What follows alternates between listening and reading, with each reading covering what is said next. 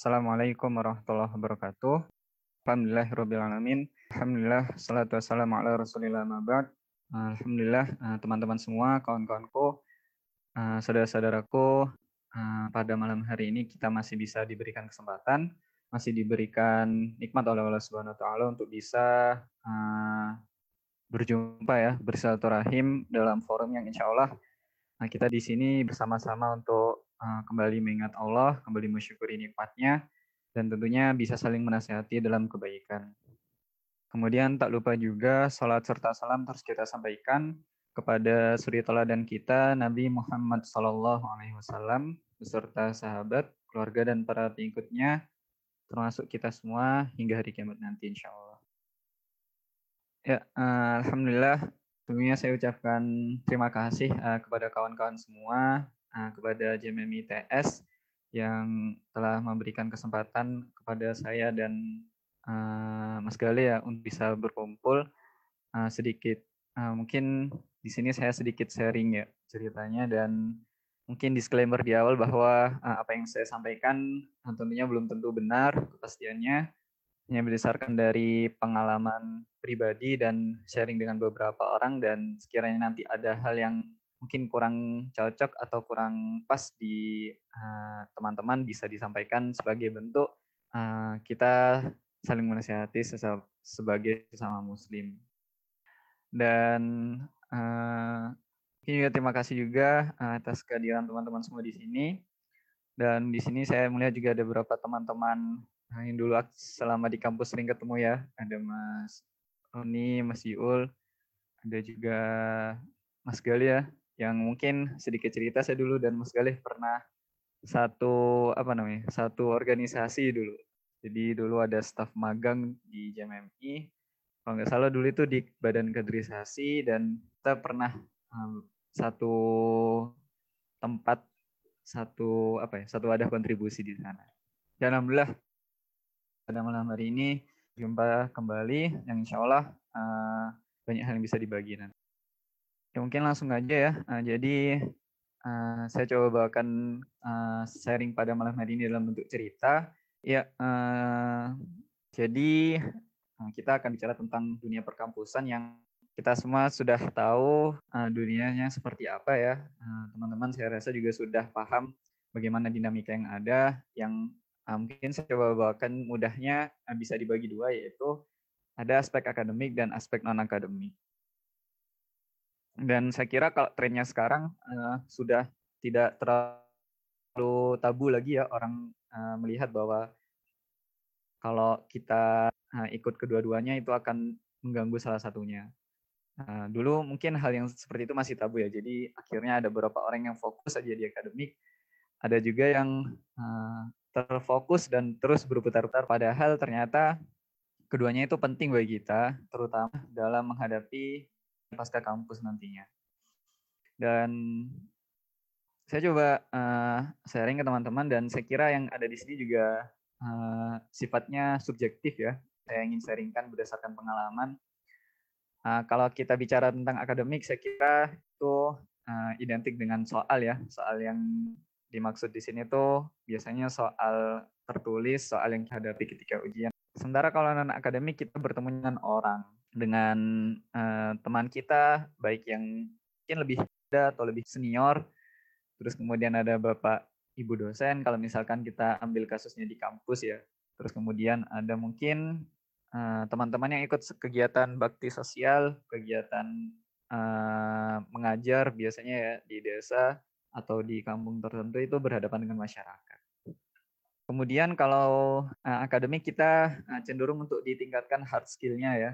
Eh, tentang kemampuan kita terutama yang berhubungan dengan jurusan atau keprofesian kita.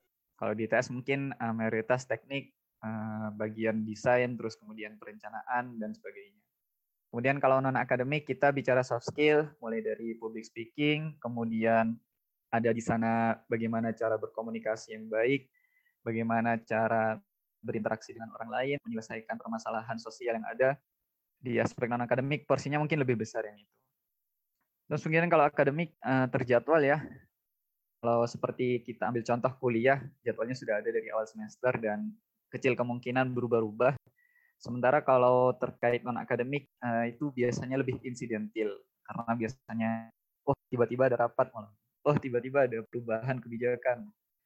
Oh tiba-tiba uh, pematerinya nggak bisa datang dan masalah-masalahnya itu datang secara tidak terduga, mendadak, luar biasa dan tentunya apa namanya jarang-jarang kita temukan itu hal di hal-hal tersebut di aspek akademik. Kemudian kalau akademik cenderungnya individu ya, walaupun sebenarnya sekarang uh, di akademik kita banyak diajarkan oleh Bapak Ibu dosen untuk bisa membangun kerjasama antar tim. Uh, saya masih cenderung untuk mengatakan kalau bekerja berkelompok itu lebih bisa terlatih di aspek non akademik ya, karena uh, benar-benar terasa interaksinya. Jadi bukan interaksi yang uh, istilahnya dikontrol ya. Kalau misalkan di kelas kan kita biasanya terkontrol uh, organisasinya kayak kamu berkelompok dengan siapa, satu kelompok sekian orang, tujuannya sudah ditentukan Bapak Ibu dosen. Sementara kalau misalkan di non akademik kita biasanya cenderung untuk bisa menentukan sendiri arah dari kelompok kita, terus kemudian fleksibel jadwal pengerjaannya, terus kemudian komposisinya juga kita yang menentukan jadi saya rasa masih uh, besar porsinya untuk berkelompok atau kerjasama itu di bidang non akademik. Kemudian uh, ini mungkin dilema ya. Saya kurang tahu ini masih menjadi tabu atau tidak, tapi semoga saja uh, kita ambil hal positifnya saja. Biasanya kalau akademik itu identik dengan lulus tepat waktu. Sementara kalau non akademik itu lulus pada waktunya. Nah, sebenarnya ini biasanya saya mendengar jawaban dari teman-teman ya yang di fokus mungkin aktif di organisasi biasanya menyampaikan kapan lulus mas mbaknya? Biasanya bilangnya lulus pada waktunya. Tapi semoga dalam artian baik. Ya dan uh, mungkin tadi juga sempat terlupa kalau dalam uh, sharing malam hari ini saya coba bawakan bahasanya akademik dan non akademik ya. Karena saya rasa uh, non akademik itu banyak lahannya tidak hanya organisasi bisa juga minat bakat, uh, penyaluran hobi serta komunitas lainnya. Jadi uh, dan saya rasa juga uh, tidak terlalu berbeda ya antara contoh-contoh tersebut sehingga bisa di di apa namanya dibuat menjadi satu pokok bahasan yaitu aspek non akademik. Ya seperti itu dan sekarang uh, balik lagi kalau tadi disinggung moderator uh, kepentingannya seperti apa ya aspek non akademik dan akademik dan saya rasa jawabannya eh, teman-teman uh, dan uh, sudah sepakat dan sudah satu suara kalau di kehidupan yang seperti ini uh, tentunya dua-duanya penting. Tapi yang saya ingin garis bawahi bahwa uh, dua-duanya penting itu sesuai porsinya. Maksudnya sesuai porsinya, uh, kita coba ambil ya contoh sebagai kita sebagai mahasiswa. Nah, kita tahu tujuan utama kita bahwa uh, berkuliah adalah untuk menuntut ilmu, berkegiatan di kampus dan maka kalau itu dikaitkan dengan aspek akademik, maka uh, sesuai porsinya dalam hal ini adalah uh, bagaimana aspek oh, uh, tetap jalan, non akademik itu tetap jalan, tapi tidak saling memberikan dampak buruk atau istilah uh, mungkin yang lebih mudah adalah simbiosisnya itu mutualisme, jadi saling menguntungkan. Terkadang uh, kita lihat uh, ada yang coba mengcover atau aktif di akademik dan, dan non akademik tetapi uh, justru kegiatan non akademiknya itu mempengaruhi performa akademiknya. Atau bisa jadi uh, ada yang dia sudah uh, diri dalam aspek non akademik, misal organisasi, tapi dia masih uh, berat ketika dia dihadapkan pada uh, urgensi terkait akademiknya, sehingga performa di non akademiknya juga tidak optimal akhirnya. Itu terkait uh, urgensinya. Dan ketika teman-teman nanti menghadapi dunia pasca kampus, uh, walaupun saya juga sebenarnya belum tahu ya gambaran realnya seperti apa, tapi yang saya uh, pernah dengar cerita dari senior dan uh, mungkin lingkungan di sekitar rumah bahwa permasalahan yang kita hadapi kalau kita tadi sempat lihat balik ya, uh, aspek yang di sebelah kiri dan kanan itu sama-sama bercampur ketika di masyarakat. Kemudian kita kadang juga mempunyai porsi untuk mengerjakan sesuatu secara individu karena emang itu kewajiban individu, tapi ada saatnya kita juga untuk berkelompok. Jadi alangkah emannya ketika kita berkehidupan di kampus, kita tidak mencoba dan tidak mengembangkan aspek-aspek yang ada di sebelah kiri dan sebelah kanan yang tentunya masih banyak ya uh, rentetan list di bawahnya. Tapi uh, sebagian dari itu saya kira sudah uh, melambangkan bagaimana dua aspek itu sudah penting bagi kita untuk mempelajarinya dan tentunya itu akan sangat bermanfaat bagi kita menghadapi dunia pasca kampus ketika kita terjun di masyarakat. Nah, itu mungkin terkait urgensinya. Dan biasanya kalau kita udah tahu nih ya, udah tahu urgensinya, uh, terus kita tanya nih tentang kalau kita mau undang dua-duanya penting berarti kita secara tidak langsung uh, meniatkan bahwa kita siap uh, mengisikan dua aspek itu dalam kehidupan kita. Jadi mungkin uh, yang sebelumnya berpikir bahwa kita fokus akademik aja deh kan tugas kuliah itu cuma akademik. Tapi ketika kita sudah meniatkan akademik dan non akademik penting, maka hidup kita nggak cuma akademik aja. Jadi ada aspek non akademik di sana.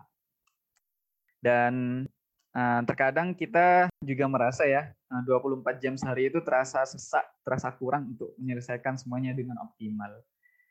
Uh, kejadian di lapangan termasuk saya pribadi kadang semuanya selesai tapi biasanya ada salah satu atau bahkan semuanya tidak optimal. Tapi uh, terkadang ada juga orang yang bisa menyelesaikan sesuatu akademik dan non akademiknya itu dengan seimbang. Yang padahal kalau kita lihat 24 jamnya juga sama. Uh, mungkin teman kita di ITS gitu kan, kampusnya juga sama, atau bahkan jurusannya juga sama, tapi gitu kan pertanyaannya. Nah, kok bisanya itu ternyata uh, kita ambil contoh dari kehidupan kita yang ibarat kita punya baju atau pakaian yang banyak kan uh, di rumah apalagi sekarang WFH kan. Nah, jadi sepertinya kondisi rumah juga sudah sangat paham bagi teman-teman, jika ada pakaian yang banyak, itu akan cukup di dalam lemari kita ketika kita menyusunnya dalam keadaan tertata atau rapi, bukan dalam kondisi berantakan. Itu analogi sederhana yang coba uh, kita pahami bersama-sama tentang uh, bagaimana cara membagi beberapa aspek tadi akademik dan akademik dalam kehidupan kita.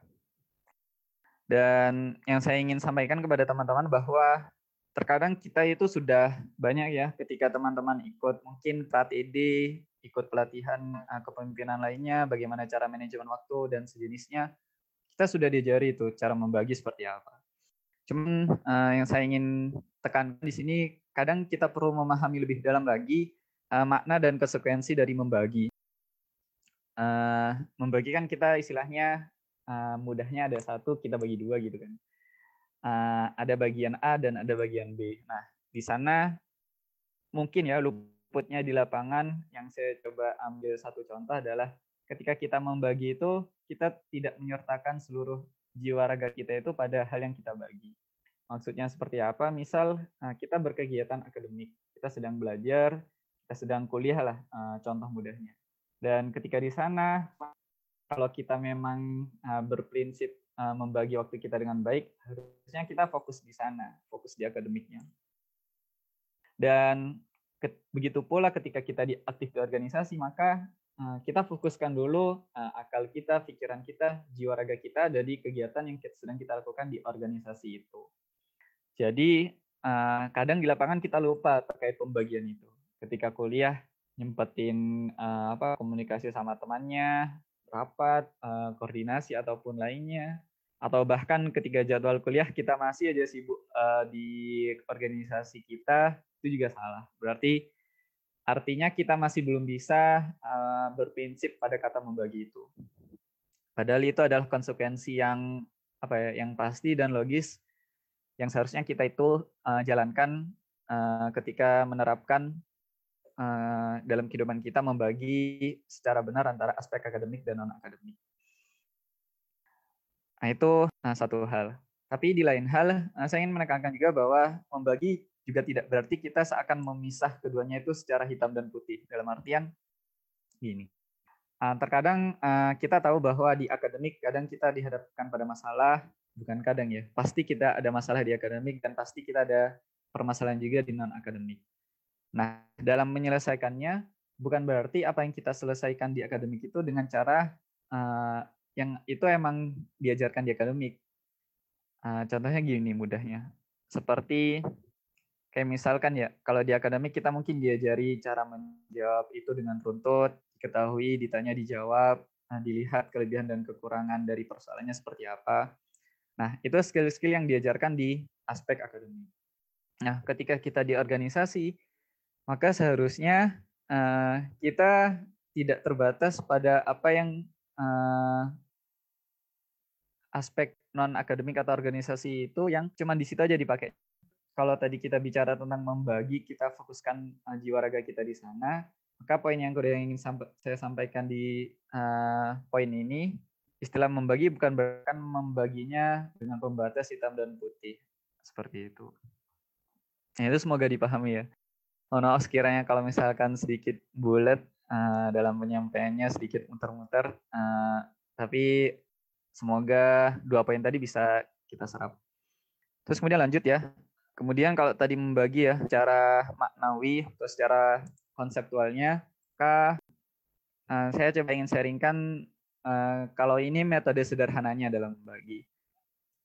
Sebenarnya terdiri dari dua ya. Kalau mungkin teman-teman ikut pelatihan lain mungkin bisa lebih detail penyampaiannya. Tapi saya rasa uh, penyampaian detail juga memerlukan waktu yang sangat panjang dan tentunya ada yang lebih berkapasitas untuk menyampaikannya. Jadi saya ingin bawakan di sini dua poin saja. Yang pertama adalah sebenarnya dalam pembagian itu kita pada dua aspek yaitu menentukan dan merencanakan. Menentukan apa saja yang kita butuhkan dan inginkan sehingga kita melakukannya. Jadi ini berhubungan dengan yang namanya apa ya? Uh, biasanya mudahnya itu daftar pekerjaan. Nah, daftar pekerjaan itu dari mana asalnya? Tentunya kita itu melandaskannya pada yang kita butuhkan dan apa yang kita inginkan atau mungkin apa yang diamanahkan kepada kita. Kuliah hal yang diamanahkan kepada kita. Terus kemudian walaupun itu sebenarnya juga kebutuhan kita kan uh, kuliah dan belajar itu. Terus kadang kita ingin menyalurkan hobi dan minat kita. Nah, itu termasuk poin keinginan kita. Kita coba list itu semua sehingga kita tahu sebenarnya apa saja yang akan kita lakukan.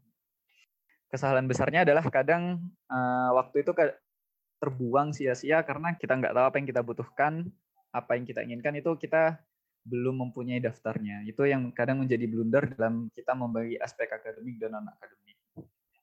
Kemudian yang kedua adalah merencanakan ketika kita sudah tahu apa saja yang akan dikerjakan, maka susunlah itu berdasarkan prioritas dan proporsinya masing-masing. Uh, tentunya setiap orang punya model masing-masing dalam merencanakan. Ada yang mungkin apa uh, terjadwal ya per hari, per jamnya, per waktunya, dan mungkin yang cukup uh, dengan hari ini mau ngapain aja, hari ini mau menyelesaikan apa saja, atau bahkan mungkin ada orang yang tidak perlu catatan ya, jadi dia seakan sudah otomatis dia tahu mau ke mana setelah ini dan ini, perencanaannya sudah rapi dalam dirinya, dalam pikirannya, dan akhirnya dia melakukannya secara otodidak tanpa catatan. Tapi dari itu semua itu kembali ke diri kita masing-masing, model perencanaan mana yang itu cocok bagi kita. Dan untuk poin perencanaan ini, uh, kalau dari pengalamannya sedikit sharing bahwa uh, kita mungkin banyak belajar tentang bagaimana cara merencanakan. Tapi dari banyak pembelajaran itu, uh, terkadang kita bisa cocok hanya dengan salah satunya saja. Bisa jadi kita mengambil poin-poin dari setiap bentuk atau model yang tadi kita pelajari, sehingga kita membuat model baru yang itu buat kita sendiri. Uh, saya kira cukup ya uh, terkait dengan akademik dan aspek non akademik yang secara umum seperti itu yang ingin dan dapat saya sharingkan tentang bagaimana menjalani dunia kampus yang uh, sebenarnya singkat ya empat tahun. Banyak kadang kita penuh dengan banyak cita-cita di sana tapi uh, perlu dan baiknya bagi kita untuk menentukan dan merencanakan mana yang itu memang cocok bagi kita. Dan di akhir ini uh, saya ingin mengajak kawan-kawan uh, untuk bisa sedikit merefleksikan uh, terkait ini ya pembagian akademik dan non akademik ini. Yang saya rasa ini juga sebagai bentuk uh, muhasabah bagi bisa pribadi uh, terkait uh, tentang kita memahami pembagian waktu kita. Jadi ya gimana kabar teman-teman semua? Semoga sehat kan ya. Apalagi di masa pandemi ini kita bisa lebih fleksibel untuk berolahraga kadang kalau kita di kampus nah kita waktu paginya itu digunakan untuk istirahat ya biasanya istilahnya kalau teman-teman itu bayar hutang yang mungkin malamnya ada rapat atau mungkin deadline tugas. Nah, ada yang sudah ikut uh, beberapa lomba dan kompetisi, uh, mungkin setidaknya selama masa pandemi ya. Karena kalau misalkan waktu kuliah kan ada aja gitu halangannya buat lomba. Yang entah anggota timnya ternyata sama-sama sibuk, yang entah kita dikejar sama deadline penugasan di kampus atau kita yang masih jadi penanggung jawab di beberapa kegiatan atau di organisasi kita. Kadang itu yang akhirnya menghalangi kita berlomba. Tapi kalau kita di masa pandemi saya kira nah, tuntutannya atau hambatannya lebih berkurang ya daripada uh, kita masih beraktivitas dan berkegiatan di kampus. Nah itu pertanyaan bagi diri saya pribadi judulnya dan bagi uh, kawan-kawan juga uh, sudah ikut lomba nggak nih atau kompetisi di masa pandemi ini. Terus kemudian kabar hafalan kita gimana? Yang biasanya uh, kita alasannya mungkin capek gitu ya, yang udah kalau nyampe rumah atau nyampe kelas itu udah nggak kuat ngapa-ngapain, tiba-tiba rebahan aja pinginnya. Uh, padahal kita punya cita-cita tuh, setidaknya aku di kampus ini bisa nambah hafalan, atau mungkin ada yang berniatkan untuk menyelesaikan hafalannya. Nah pertanyaannya, uh, selama pandemi ini atau mungkin sama masa liburan ini kan udah nggak ada tuh uh, alasan buat capek perjalanan atau mungkin alasan waktunya dihabiskan oleh kegiatan akademik serta tanggung jawab di organisasi. Nah, kira-kira gimana? Uh, nah, saya kira setiap orang punya jawabannya sendiri. Gimana sih maksudnya? Uh, kadang uh, ini jadi pertanyaan bagi diri saya sendiri juga sebagai renungan bahwa lebih tepat mana sih sebenarnya waktunya yang nggak cukup atau kita yang nggak bisa bagi waktunya? Atau emang kita yang nggak menghargai waktunya? Karena ternyata kalau tadi ya eh, kita bicara tentang akademik dan non akademik eh, bisa jadi kita ini selama ini salah dalam menentukan sebenarnya topik pembahasan yang harus kita bahas ya apalagi sebagai seorang muslim. Itu bukan terkait akademik eh, dengan non akademik karena keduanya itu hal baik. Sementara di Islam sebagai seorang muslim kita diajarkan untuk terus berlomba-lomba, terus mengejar yang namanya kebaikan. Nah, tapi terkadang kita terjebak pada konteks bahwa kita seakan ditubrukkan dalam dua kebaikan. Yang akhirnya malah kita tidak mengerjakan kebaikan itu sama sekali. Nauzubillah tentunya. Sehingga uh, saya ingin mengajak bahwa kadang kita itu uh, salah dalam menempatkan permasalahan. Dan saya ingin mengajak teman-teman semua bahwa kita bicaranya sebagai seorang muslim maka konteksnya atau levelnya adalah kita sudah bicara tentang mana yang baik dan mana yang buruk, mana yang bermanfaat dan mana yang merugikan.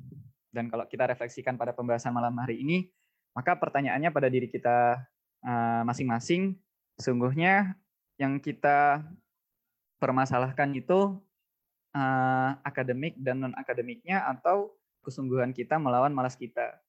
Karena ternyata uh, sempat dulu ya ketika di al pandemi itu bilang uh, atau saya menemukan salah satu pesan yang kira itu sangat uh, mendalam maknanya bahwa di masa pandemi ini yang semuanya serba online, yang kita lebih fleksibel mengerjakan segala sesuatunya, apa sih yang kita bisa kerjakan?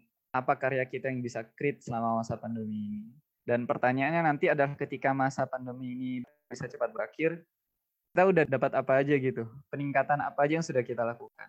Kalau misalkan nggak ada, maka kita nggak bisa dong pakai alasan uh, waktunya nggak cukup, kita nggak bisa pakai alasan tekanan akademik, padahal akademiknya semuanya basisnya online.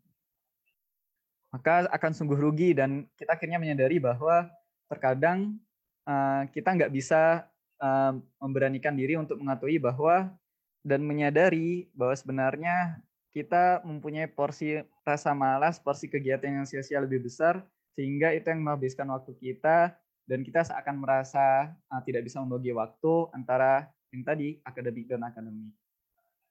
Jadi seperti itu. Semoga kita bisa mengambil manfaat dari uh, silaturahim pada malam hari ini. Saya kira juga bisa menyaringkan nanti beberapa tips terkait membagi waktu dan semoga kita semua tetap senantiasa menjadi insan yang bisa lebih baik dan bisa memberikan karya dan manfaat bagi orang di sekitar kita, bagi mater dan juga bagi bangsa serta umat Islam. Itu dan terakhir jangan lupa untuk mengerjakannya secara bersama-sama berjamaah karena itu yang diajarkan Islam dan itu uh, saya juga mengalami sendiri yang dengan berjamaah itulah semangat untuk bisa mengerjakan hal produktif, hal-hal baik itu muncul dan terus terjaga. Uh, kurang lebihnya seperti itu. Wabillahi taufiq hidayah. Uh, Afan sekiranya ada yang kurang tepat mohon dikoreksi, ada yang kurang pas mohon untuk bisa disampaikan. Uh, terima kasih. Uh, kalam. Assalamualaikum warahmatullahi wabarakatuh. Saya kembalikan ke Mas moderator. Oke, Waalaikumsalam warahmatullahi wabarakatuh. Terima kasih untuk penyampaian materi pertama ya. Uh, setelah ini langsung kita lanjut ke materi kedua yang akan disampaikan oleh Mas Galih uh, waktu dan tempat dipersilahkan. Monggo mas. Baik uh, Bismillahirrahmanirrahim. Assalamualaikum warahmatullahi wabarakatuh. Waalaikumsalam warahmatullahi wabarakatuh. Alhamdulillah pada kesempatan kali ini uh, saya diundang oleh panitia kajian OTW baik. Uh, di sini saya diberi kesempatan untuk menyampaikan terkait uh, bagaimana menyeimbangkan akademik dan organisasi. Sebelumnya mungkin kita bisa perkenalan terlebih dahulu supaya lebih akrab. Saya Gali Syifol Umah, biasa dipanggil Gali. Saya dari uh, Teknik Infrastruktur Sipil Angkatan 17. Di sini uh, sudah disampaikan cukup banyak oleh uh, Mas Amar terkait dengan konten akademik dan organisasi. Di sini saya menambahkan saja. Nah, yang pertama kita sudah mengetahui bahwasannya akademik dan organisasi ini adalah uh, dua hal yang berbeda. Namun uh, dalam realisasinya sering kali keduanya ini berjalan dengan beriringan. Artinya uh, kegiatan akademik diperlukan dan organisasi juga diperlukan. Nah, akademik ini terkait dengan uh, kegiatan perkuliahan kita. Nah, kenapa ini uh, penting dan bahkan bisa dikatakan wajib. Karena uh, kita mendaftar di perguruan tinggi dalam hal ini kita daftar di ITS lah tentunya tujuan kita adalah berkuliah. Di sini akan tidak relevan apabila kita uh, mendaftar perkuliahan namun kita tidak atau kita enggan untuk melaksanakannya. Maka dari itu uh, bisa dikatakan terkait akademik ini sifatnya wajib Kemudian untuk organisasi. Nah, untuk organisasi ini sedikit berbeda. Di kampus kita boleh mengikuti dan juga kita boleh tidak mengikuti. Namun banyak sekali yang menganjurkan bahwasannya organisasi ini penting untuk menu, untuk mendukung atau uh, menunjang potensi kita. Nah, di sini uh, disarankan bahwasannya seorang mahasiswa uh, selain fokus di akademik juga disarankan untuk mengikuti organisasi. Nah, terkait akademik ini identik dengan hard skill ya teman-teman, di mana ini relevan dengan departemen atau jurusan kita masing-masing. Nah, contohnya saya di bidang teknik sipil, kemudian Mas Amar di bidang teknik fisika seperti itu. Nah, di masing-masing bidang tentunya ada keterampilan-keterampilan tertentu uh, yang dimiliki oleh masing-masing mahasiswa. Dan untuk hal-hal tersebut tentunya kita pelajari di waktu perkuliahan dan ini akan sangat berguna ketika kita bekerja sebagai uh, seorang profesional. Kemudian uh, untuk organisasi uh, ini sifatnya lebih kepada atribut diri atau sebagai pendukung. Dan untuk hal-hal seperti ini tidak bisa kita pelajari dengan formal, Nah, untuk yang akademik itu lebih kepada profesional dan untuk organisasi menurut saya itu lebih mengarah kepada um, jalan suksesnya dari karir tersebut. Nah, untuk uh, hard skill atau bagian akademik menurut saya yang terkait dengan uh, pencapaiannya adalah kita memiliki uh, keahlian tertentu di bidang suatu pekerjaan. Nah, ketika di kampus terkait akademik ini biasanya diukur dengan nilai EPK. Nah, kita sebagai mahasiswa dan kita memang di sini untuk belajar, tentunya untuk nilai EPK ini uh, harusnya ya bagus. Nah, contohnya di atas tiga seperti itu. Kemudian kita juga uh, bisa melakukan uh, sertifikasi dari keahlian kita. Sehingga kita ketika kita melaksanakan pekerjaan tertentu akan jelas kualitasnya seperti itu. Kemudian untuk uh, soft skill ini hal-hal uh, yang saya dapatkan ketika saya menjalani kegiatan organisasi. Nah, di sini ada beberapa hal yang saya dapatkan. Salah satunya terkait dengan kemampuan berkomunikasi.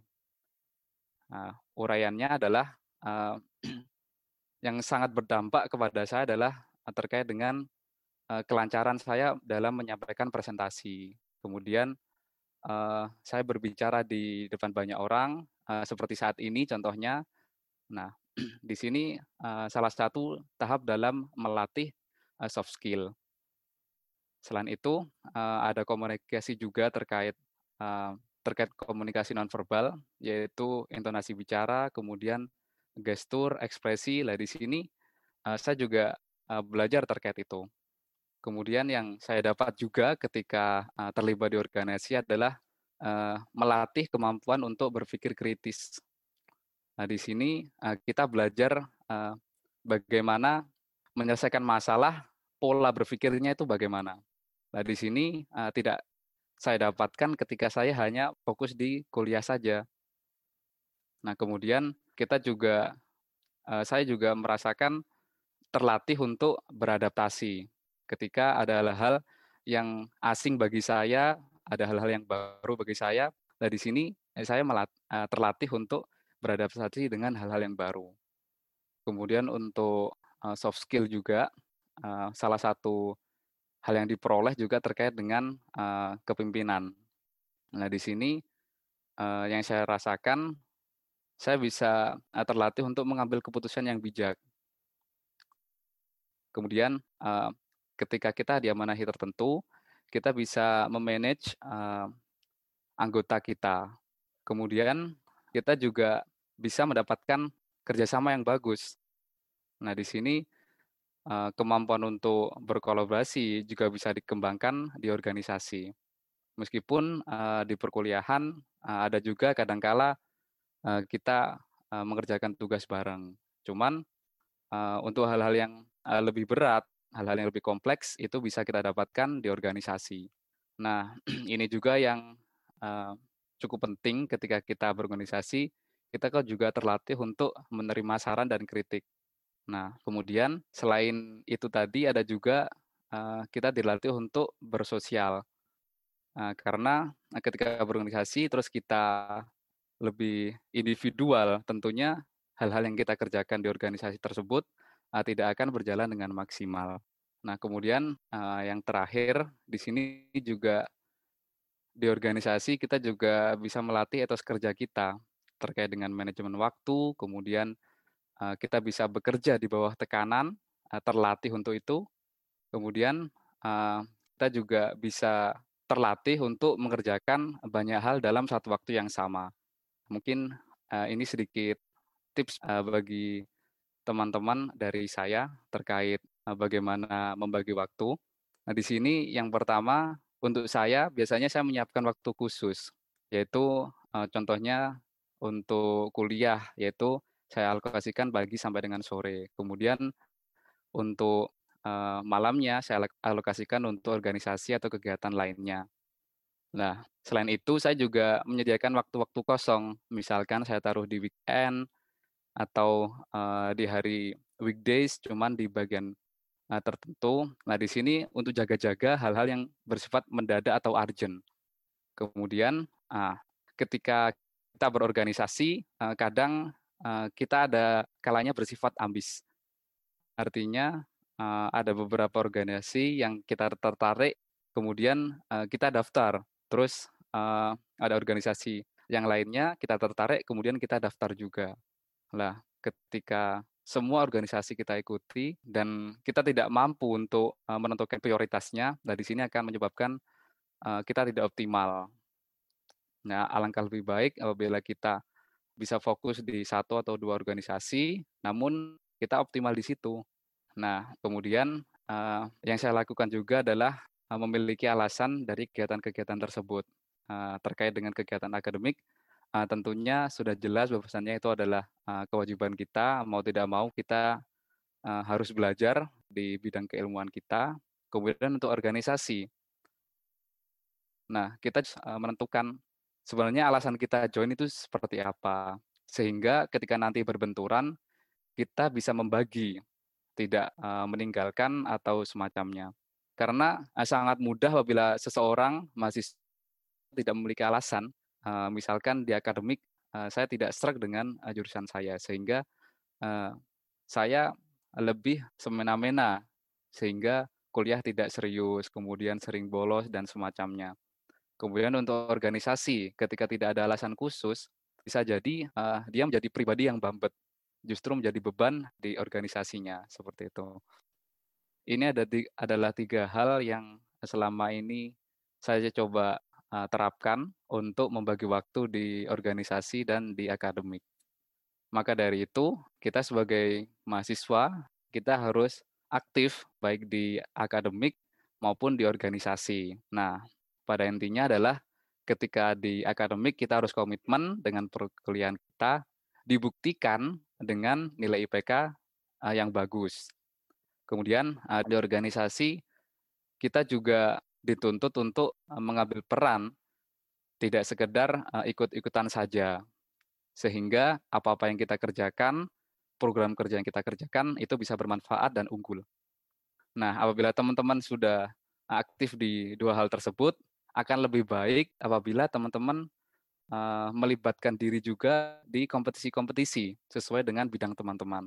Nah, apabila teman-teman coba aktif di lomba-lomba misalnya, itu akan meningkatkan baik dari akademik maupun soft skill juga yang sudah didapatkan di organisasi. Karena hal-hal uh, yang diperoleh di akademik tentunya dilombakan di situ dan cara menyampaikan uh, cara berpres uh, cara presentasi kemudian dan sebagainya itu menjadi pendukung ketika kita melaksanakan lomba. Kemudian selain itu kita juga mengupayakan terlibat di kegiatan sosial. Nah, ketika kita sudah aktif dan kita sudah mengikuti kompetisi-kompetisi, namun kita kurang peduli dengan masyarakat sekitar kita, yaitu kurang bagus. Sehingga kita sebagai pribadi yang aktif, kita sudah memiliki capaian-capaian tertentu, kita harus menebarkan kemanfaatannya di masyarakat juga bagi oh. teman-teman yang sudah oh. aktif di empat poin tersebut. Nah, apabila teman-teman bisa serius dan mendapatkan capaian atau prestasi unggulan di empat bidang tersebut dan jumlahnya lebih dari 10, nah teman-teman bisa nih uh, berpotensi mengikuti uh, ajang Mapres untuk mewakili TS. Nah, karena uh, salah satu dari uh, persyaratan Pilmapres ini adalah harus memiliki prestasi dan itu jumlahnya lebih dari minimal 10 seperti itu. Dan dari prestasi itu bisa diperoleh dari kegiatan akademik di organisasi, di kompetisi atau di kegiatan sosial. Tentunya dari teman-teman ada yang masih uh, angkatan 18 atau 19 Nah, bisa nih disiapkan mulai sekarang terkait dengan ini, karena ketika kita sudah aktif di akademik dan organisasi, kemudian kita tambah dengan kompetisi dan kita terlibat di kegiatan sosial, nah, potensi kita untuk uh, bisa mewakili TS di ajang pemilihan mahasiswa berprestasi uh, sangat besar dan sangat mungkin teman-teman uh, kita uh, bisa join di ajang Pilmapres ini. Nah, mungkin saya sedikit uh, sharing terkait dengan uh, bagaimana uh, track record saya hingga bisa mencapai tahapan tersebut. Nah, yang pertama, uh, mulai dari masa SMA, saya ini uh, siswa yang biasa-biasa saja. Saya memiliki uh, kondisi akademik yang standar, uh, tidak ikut uh, kompetisi lomba-lomba tingkat uh, mahasiswa atau dan yang lain-lain saya hanya siswa, siswa biasa. Nah, di kondisi ini pun uh, saya juga terbilang uh, cukup buruk.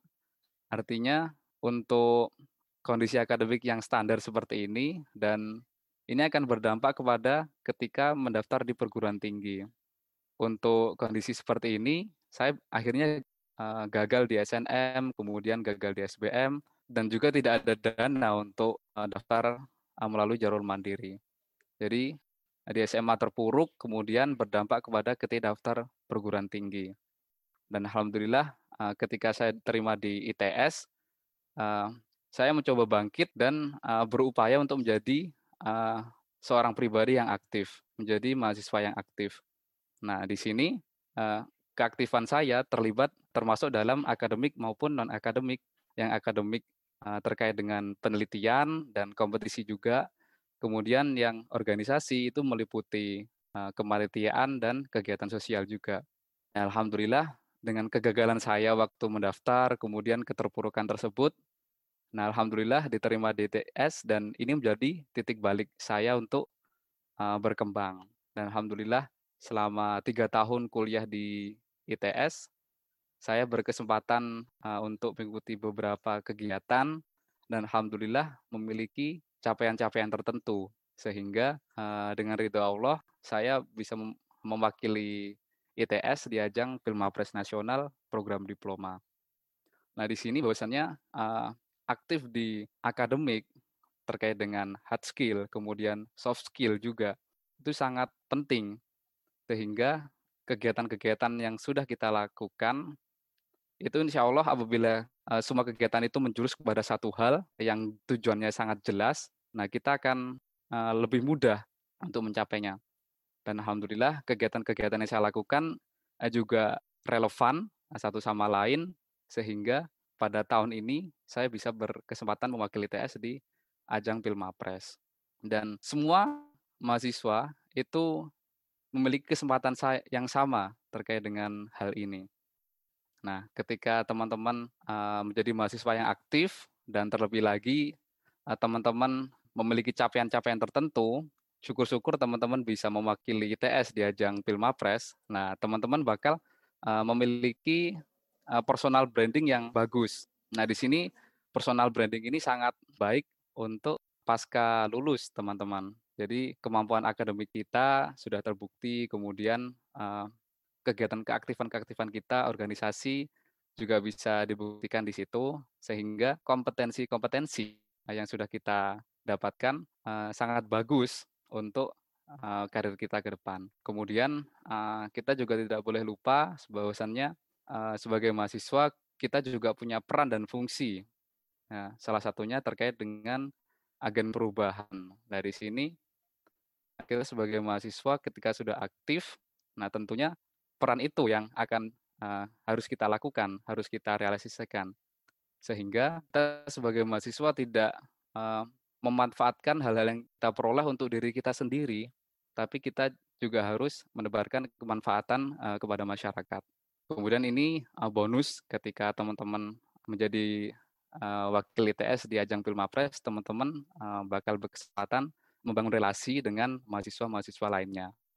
Tentunya masing-masing dari mahasiswa berprestasi di kampus lain memiliki kelebihan masing-masing dan itu sangat bagus ketika kita ke depannya akan berkolaborasi dalam suatu proyek tertentu.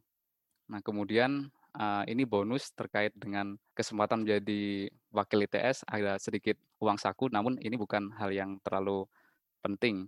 Yang penting adalah tiga poin, satu dua tiga terkait dengan personal branding, kemudian uh, merealisasikan dan fungsi sebagai mahasiswa, serta kita bisa membangun relasi seperti itu. Nah, itu tadi sedikit penyampaian dari saya terkait dengan uh, menyumbangkan organisasi dan akademik. Nah, teman-teman sekalian, saat ini ini adalah merupakan kesempatan kita untuk mengembangkannya, baik itu dari kompetensi atau hard skill, kemudian dari segi soft skill. Dan apabila kita sungguh-sungguh dalam melaksanakan itu, nah semoga kita akan lebih mudah dalam mencapai cita-cita kita. Dan semoga uh, dengan apa yang telah kita lakukan, tentunya ditambahkan dengan ibadah juga. Jadi selain dengan ikhtiar, kita juga senantiasa memperbaiki hubungan kita dengan Allah Subhanahu wa taala sehingga cita-cita yang sudah kita targetkan dapat terrealisasi dengan baik.